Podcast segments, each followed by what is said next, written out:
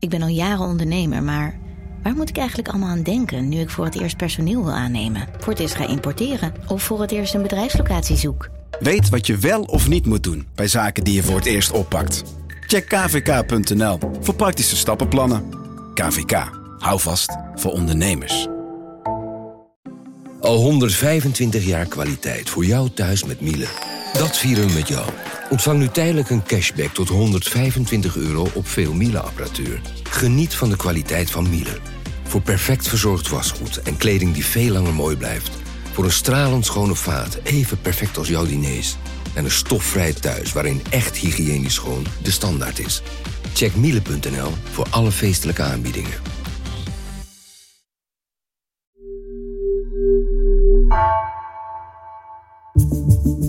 Vanaf de redactie van NRC het verhaal van vandaag. Mijn naam is Misha Melita.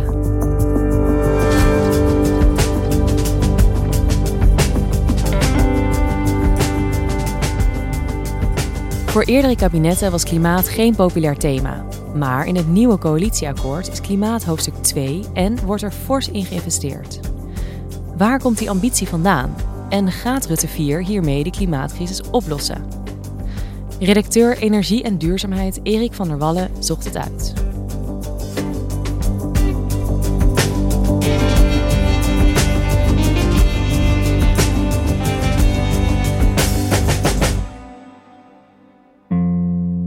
ChristenUnie, CDA, D66 en VVD zijn samen tot, vind ik, een mooi en een stevig akkoord gekomen. We hebben de ambitie om te voldoen aan de anderhalve graden doelstelling van Parijs. Je ziet dat we hele grote stappen zetten op klimaat, maar wel op een realistische manier. Cruciaal dat we dit land schoner achterlaten voor onze kinderen en voor onze kleinkinderen. Vooruitkijken naar de toekomst. Met betere zorg voor de schepping, voor het klimaat. Erik, jij schrijft voor de krant over energie en duurzaamheid.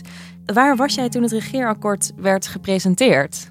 Nou, zoals zoveel mensen in deze coronatijd, um, zat ik achter mijn bureau thuis. En ik probeerde rond half twee een stuk te downloaden, het uh, regeerakkoord. Uh, waarschijnlijk met nog een paar duizend mensen. Dus dat ging niet snel. Maar uiteindelijk is het gelukt. En ja, dan uh, krijg je iets van 50 pagina's aan nieuwe plannen voor je neus. Ja, en wat doe jij dan? Ctrl-F klimaat? nou, ik keek in de index en ik zag dat klimaat hoofdstuk 2 was. Zegt het kabinet daar iets mee? Nou ja, het is toch wel symbolisch dat het uh, bij het vorige kabinet uh, hoofdstuk 3 was. Wat op zich al ja, voor die tijd opmerkelijk was. En nu hoofdstuk 2.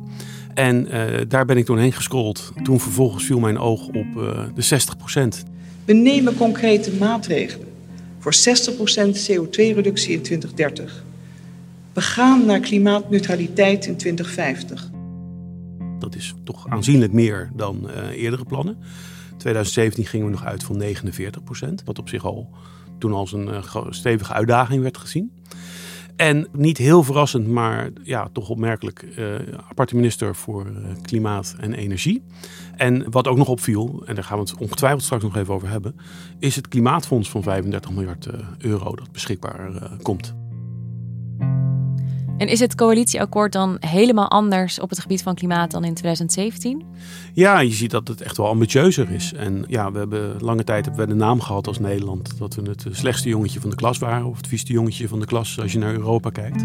Als dit allemaal goed wordt uitgewerkt en ook wordt uitgevoerd, dan kunnen we zomaar in de voorhoede van de Europese Unie belanden. Want wat staat er dan in, in dit akkoord wat zo anders is? Um, nou ja, de, die 35 miljard is natuurlijk van belang omdat je daar mooie dingen van kan doen. Uh, zeker ook als je afwijkende visies hebt met de vier partijen. Dan is geld natuurlijk een smeermiddel om wellicht dingen allebei te doen. En, Denk je dat er ook daarom zoveel geld is uitgetrokken? Nou, er zijn meerdere redenen. Klimaat wordt natuurlijk wel in de brede zin uh, als belangrijk gezien. Maar uh, wat ook scheelt is de lage rente op dit moment. En dit soort fondsen, dat, wordt, dat geld wordt geleend. Dat drukt verder ook niet direct op het begrotingstekort. Wel op de staatsschuld, maar niet op het begrotingstekort. Dus dat, dat scheelt en dat is een goed smeermiddel. En um, wat zijn de belangrijkste plannen die jij las in hoofdstuk 2? Het, het, het meest opvallende is denk ik die 60 procent. En wat dat betreft is natuurlijk ook heel, van heel groot belang de recente plannen van de Europese Unie. In Europa is afgesproken om naar 55% uitstootreductie te gaan in, eh, in 2030. En uiteindelijk in 2050 klimaatneutraal te zijn. Dus dan mag er netto uh, niet of nauwelijks nog uitstoot zijn. Uh, alle landen hebben daar ja tegen gezegd. En Nederland gaat daar dus nog, nog wat overheen. Ja, dus we zijn ambitieuzer eigenlijk dan we hoeven zijn van Europa. Ja, en ik denk dat dat een, ehm, een ervaringsfeit is dat we natuurlijk in de politiek vaak naar 100 streven en dan op 95 uitkomen. Dus ik denk dat het D66 ook uh, veel aangelegen was om te mikken op 60. En als we dan uh, op ruim 55 uitkomen, dan mogen we ons uh, in Europees opzicht hoeven we ons niet te schamen. Dus ja, dat is eigenlijk de kapstok waar alles aan hangt, die 60% En dan is natuurlijk de vraag, hoe gaan we dat doen? En dan zie je dus dat er allerlei programma's zijn. Er worden bijvoorbeeld afspraken gemaakt met, met de grote bedrijven. Dus de 15 tot 20 grootste uitstoters. Nou, dat is iets wat, eh, wat het CDA heel duidelijk zich had voorgenomen. Duurzaamheid is essentieel voor onze welvaart en ons welzijn. En daarom helpen we Nederlandse bedrijven te vergroenen. De overheid heeft als plan om echt maatwerk te leveren. Dus afspraken te maken met die bedrijven. Bijvoorbeeld om aan te bieden dat bepaalde investeringen worden gedaan in het stroomnet bijvoorbeeld. Hmm. En in ruil daarvoor moet een bedrijf dan uh, bijvoorbeeld in plaats van met gas te werken, met elektriciteit kan werken. En ook beloven dat ze voorlopig in Nederland blijven investeren. Dus het, moet, het is heel, heel, heel erg de vraag hoe, hoe dat uitpakt. Maar dat kan natuurlijk heel interessant zijn. Ja, want wat voor bedrijf heb je het dan over? Dan heb je het bijvoorbeeld over Tata Steel, uh, de voormalige hoofdovens. Uh, er zijn raffinaderijen in, in het Rijnmondgebied bijvoorbeeld, die veel uitstoten. er is een heel, um, nogal wat chemiebedrijven zitten in Limburg, in het Gemlot uh, industriepark. En het is ook nog om een, om een, andere reden, misschien ook wel psychologisch van belang. Er zijn nog wel wat mensen die zeggen, ja, uh, laat eerst China dit, of laat eerst Shell dat, of laat eerst Tata Steel dat. Als, als het natuurlijk in de brede wordt aangepakt, dan helpt dat misschien ook dat mensen denken, van, nou ja, dan is dat ook een extra reden om voor mij een extra steentje bij te dragen. Ja, dan zijpelt het misschien door in de bevolking, bedoel ja, je? Ja, ja, ja. precies. En uh, waar het CDA ook wel blij mee zal zijn, en dat geldt zeker ook voor de VVD, is uh, de voorgenomen bouw van twee kerncentrales. De voorbereidingen worden daar uh, toegenomen. Enorme investeringen in hernieuwbare energie. En door taboes te slechten op kernenergie. Ja, kerncentrales zijn politiek behoorlijk omstreden. We hebben natuurlijk kernafval, dus de angst voor rampen. Um, hoe is dit toch in het regeerakkoord terechtgekomen? Een jaar vier geleden was, was dit eigenlijk nog helemaal niet aan de orde, kerncentrales. Uh, dat is sinds een jaar of twee is dat actueel geworden. Uh, ook in onze zoektocht naar alternatieve stroomproductie. En je ziet nu dat het kabinet nu heeft besloten van ja, het kan heel goed zijn omdat bijvoorbeeld bedrijven meer stroom gaan gebruiken in plaats van gas of in plaats van, uh, van olie. Dus onze consumptie aan elektriciteit gaat omhoog. En uh, ja, is de, de visie van het kabinet is de vraag of we dat allemaal met zonnedaken, windmolens en in noodgevallen gascentrales kunnen opvangen. hebben we eigenlijk ook gewoon kernenergie nodig, kerncentrales. En ik denk dat het voor VVD en CDA ook van politiek belang is dat door deze plannen om uh, de bouw voor te bereiden, komen ze ook denk ik heel veel uh, kiezers tegemoet. Het stond ook in hun plannen, toch, bij de verkiezingen? Het stond uh, zowel bij het CDA als VVD stond het in het verkiezingsprogramma, terwijl ChristenUnie en D66 juist veel kritischer waren. En met name D66, die zeiden van ja, uh, ja we zijn op zich, uh, we kunnen ons voorstellen dat er een kerncentrale komt, maar niet met overheidsgeld. Nou, dat is eigenlijk in de praktijk is dat hetzelfde zeggen als er komt geen kerncentrale, want die subsidies zijn gewoon nodig, blijkt in de praktijk. Um, en nu heeft het kabinet er in het regeerakkoord 5 miljard voor de komende jaren voor uitgetrokken. Dus dat is best wel wat. Ja, dus daar heeft D66 echt wel iets moeten inleveren. Het is natuurlijk een coalitieakkoord, dus ja, je wil allemaal iets voor elkaar krijgen, maar je moet ook wat inleveren. Wat hebben de andere partijen ingeleverd, denk jij? Uh, nou, je ziet bijvoorbeeld dat de VVD akkoord is gegaan met uh, de invoering, of de voorbereiding tot de invoering, allemaal heel voorzichtig, van rekeningrijden. Um, dat is een, hè, niet zo lang geleden zei Rutte nog dat, dat hij toch van de Vroom Vroom partij is. En veel mensen binnen die partij vinden al dat de auto te zwaar belast wordt. Dus dat is best wel een, een stap. En in het regeerakkoord van 2017 stond zelfs expliciet dat er geen rekeningrijden zou worden ingevoerd. En rekeningrijden, dat is gewoon dat je de belasting in plaats van een vast bedrag per kwartaal betaalt per wat je daadwerkelijk met je auto op de weg bent. Ja, dat laatste zeker. Dus je wordt gewoon afgerekend naar de afstand die je overbrugt. Uh, hoe het er precies uit gaat zien, of het bijvoorbeeld in plaats van wegenbelasting komt, of ja, wat dat betreft heeft het denken redelijk lang stilgestaan. Uh, dat, dat is helemaal niet duidelijk. Dus hoe dat, hoe dat er precies uit gaat zien, dat weten we niet. Je kunt dus best wel goed zien aan de plannen wie wat op tafel heeft gelegd. De CDA wil met grote vervuilers praten. VVD wil kerncentrales. D66 ging voor die 60% Wat heeft de ChristenUnie ingebracht? Uh, de ChristenUnie besteedt in zijn uh, verkiezingsprogramma nogal veel aandacht aan, aan isoleren van huizen. En de bedoeling is om mensen actief te benaderen die een slecht geïsoleerd huis hebben. We hebben allemaal zo'n energielabel. Dus het is ook vrij duidelijk hoe goed jouw huis of hoe slecht jouw huis geïsoleerd is. Mhm. Die worden dus ook actief benaderd om daar iets gesubsidieerd en wel iets aan te doen. Ja, Rutte 4 heeft ambitieuze plannen om eh, de opwarming van de aarde tegen te gaan heel anders dus eigenlijk, gaf jij aan, dan in 2017. Hoe kan het dat het nu zo'n grote rol speelt? Ja, in het vorige kabinet uh, is wel tot een klimaatakkoord gekomen natuurlijk. En dat, dat had als, als doel om de uitstoot met 49% te reduceren. Dat is, dat is ook absoluut niet iets waarvan je zegt dat stelt niks voor. Integendeel. Alleen je merkte vaak wel dat het allemaal een beetje verplichtend was. Dat het moest. En met name bij VVD en CDA. En um, ja, het, CDA was, en op zich terecht hoor, maar die, die wees heel vaak op dat er wel voldoende draagvlak moest, moest komen. Maar je ziet nu dat dat draagvlak er ook gewoon is. Een meerderheid van de mensen vindt het klimaatprobleem urgent. En wil ook dat de politiek daar iets aan doet. Dus in die zin zie je gewoon dat de hele maatschappij aan het veranderen is. Dus ook uh, kiezers van CDA en VVD vinden klimaat een belangrijk probleem. Zeker, zeker. En je ziet ook dat uh, binnen die fracties bij uh, VVD en, en, CDA zijn ook mensen die echt met plannen komen. Henri Bontebal van het CDA en Silvio Erkens van de VVD, die spelen daar ook een rol in. Het klimaatbeleid is voor de VVD essentieel. De afgelopen jaren heb ik daar veel over gesproken en u weet dat ook in het verkiezingsprogramma. Wat we wel in dit programma doen is klimaat en stikstofproblemen aanpakken op een manier dat u en ik als Nederlanders, maar ook de bedrijven, zo goed mogelijk hun leven, hun bedrijf kunnen voortzetten en niet te zwaar geraakt worden door die plannen. Dat kan omdat het geld er is. Het is natuurlijk niet voor niks dat er een, eh, een andere wind waait uh, in vergelijking met de afgelopen jaren in Den Haag uh, wat betreft klimaat. Want er is natuurlijk nog wel wat gebeurd. Je hebt bijvoorbeeld de, de rechtszaak gehad van Urgenda. Want wat was de eis ook weer van Urgenda? Nou, Urgenda wilde eigenlijk dat voorgenomen kabinetsbeleid, uh, en uit een grijs verleden hoor, uh, dat zou leiden tot een reductie van 25 procent. Uh, dat dat ook daadwerkelijk gerealiseerd zou worden. En we hebben dat net gehaald als gevolg van de coronacrisis. Maar de kans is heel groot dat we dat dit jaar, in 2021, dat we niet aan die 25 procent komen. Waardoor we dus ingaan als maatschappij tegen de uitspraak van de Hoge Raad. En veel politici hebben toch wel het idee gehad, hè, die zo in 2015, 2016 begonnen. Toen hadden veel politici toch wel het idee van ja, dat, uh, daar maakte rechter wel korte metten mee. En toen dat niet gebeurde, ook niet in hoger beroep en zeker ook niet door de Hoge Raad, toen was dat wel een soort wake-up.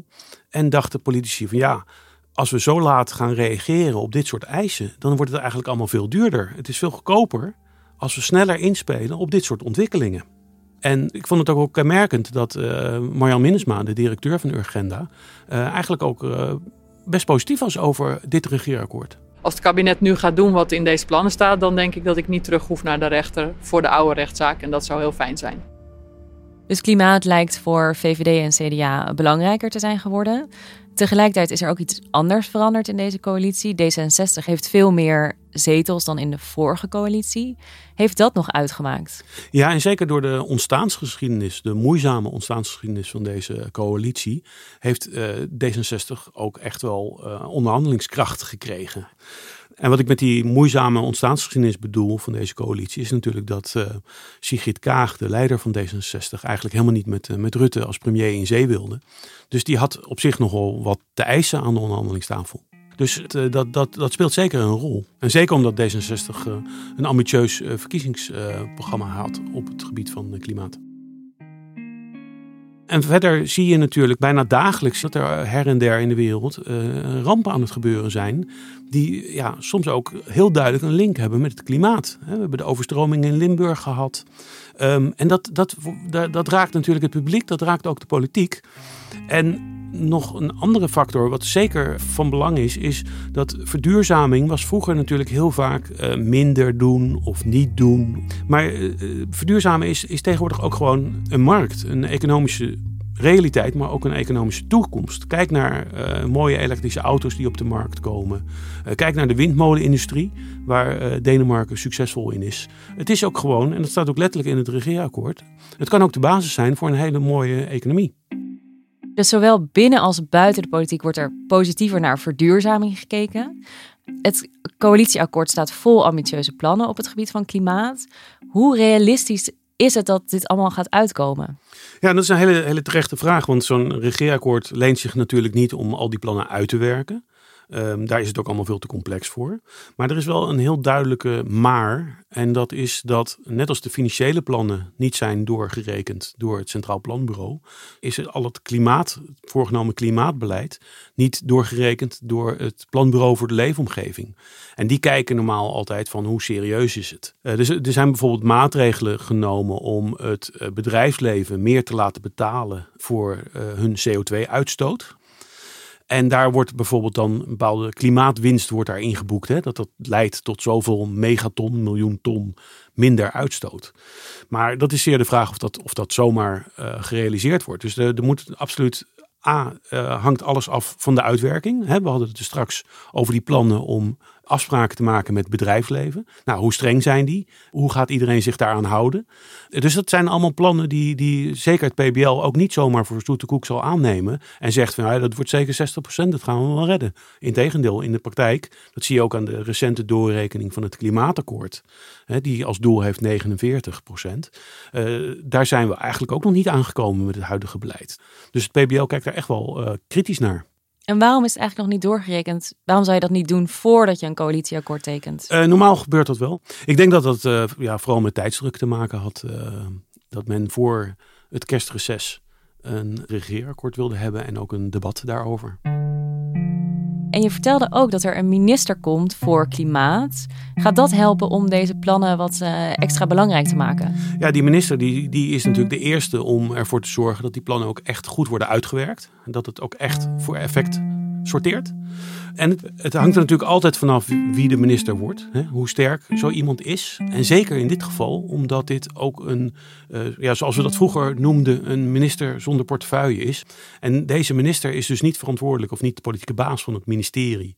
Want dat is waarschijnlijk gewoon de minister van Economische Zaken. Maar dit is dus een minister voor. En dan ben je altijd een beetje afhankelijk van dat ministerie, van die andere minister. Hoeveel ruimte je krijgt. Dus is het des te belangrijker dat er op die plek dus echt ook een zwaar gewicht komt. En Erik, zijn deze plannen genoeg om het klimaatprobleem op te lossen?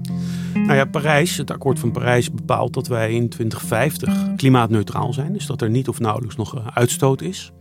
En uh, je ziet ook dat in het akkoord wordt op basis van die 60% in 2030, wordt er ook verder, nog verder doorgekeken naar 2035 70% reductie en 2040 80%.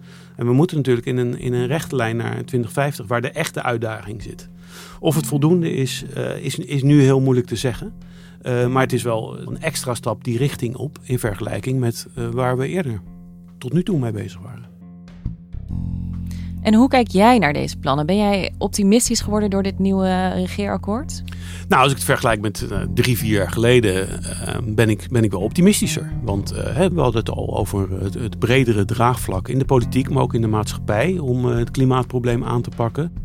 En ehm, ja, we hebben het dan natuurlijk over nationaal. Er zijn nog allerlei redenen om in doemscenario's te denken als we naar mondiaal uh, kijken. Maar ja, dat, dat hebben we nu eenmaal uh, niet direct in de hand. Dus uh, het nationale beleid hebben we wel in de hand. Ja, en hoe dat gaat uitwerken moeten we de komende vier jaar goed in de gaten houden. Ja, kritisch. Dankjewel, Erik. Alsjeblieft.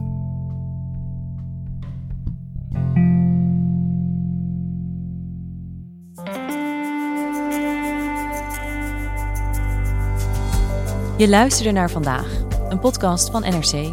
Eén verhaal, elke dag.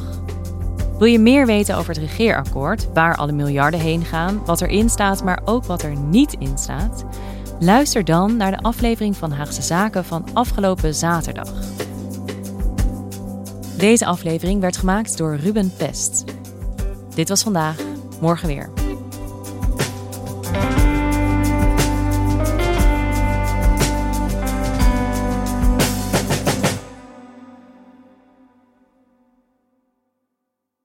Technologie lijkt tegenwoordig het antwoord op iedere uitdaging. Bij PwC zien we dit anders.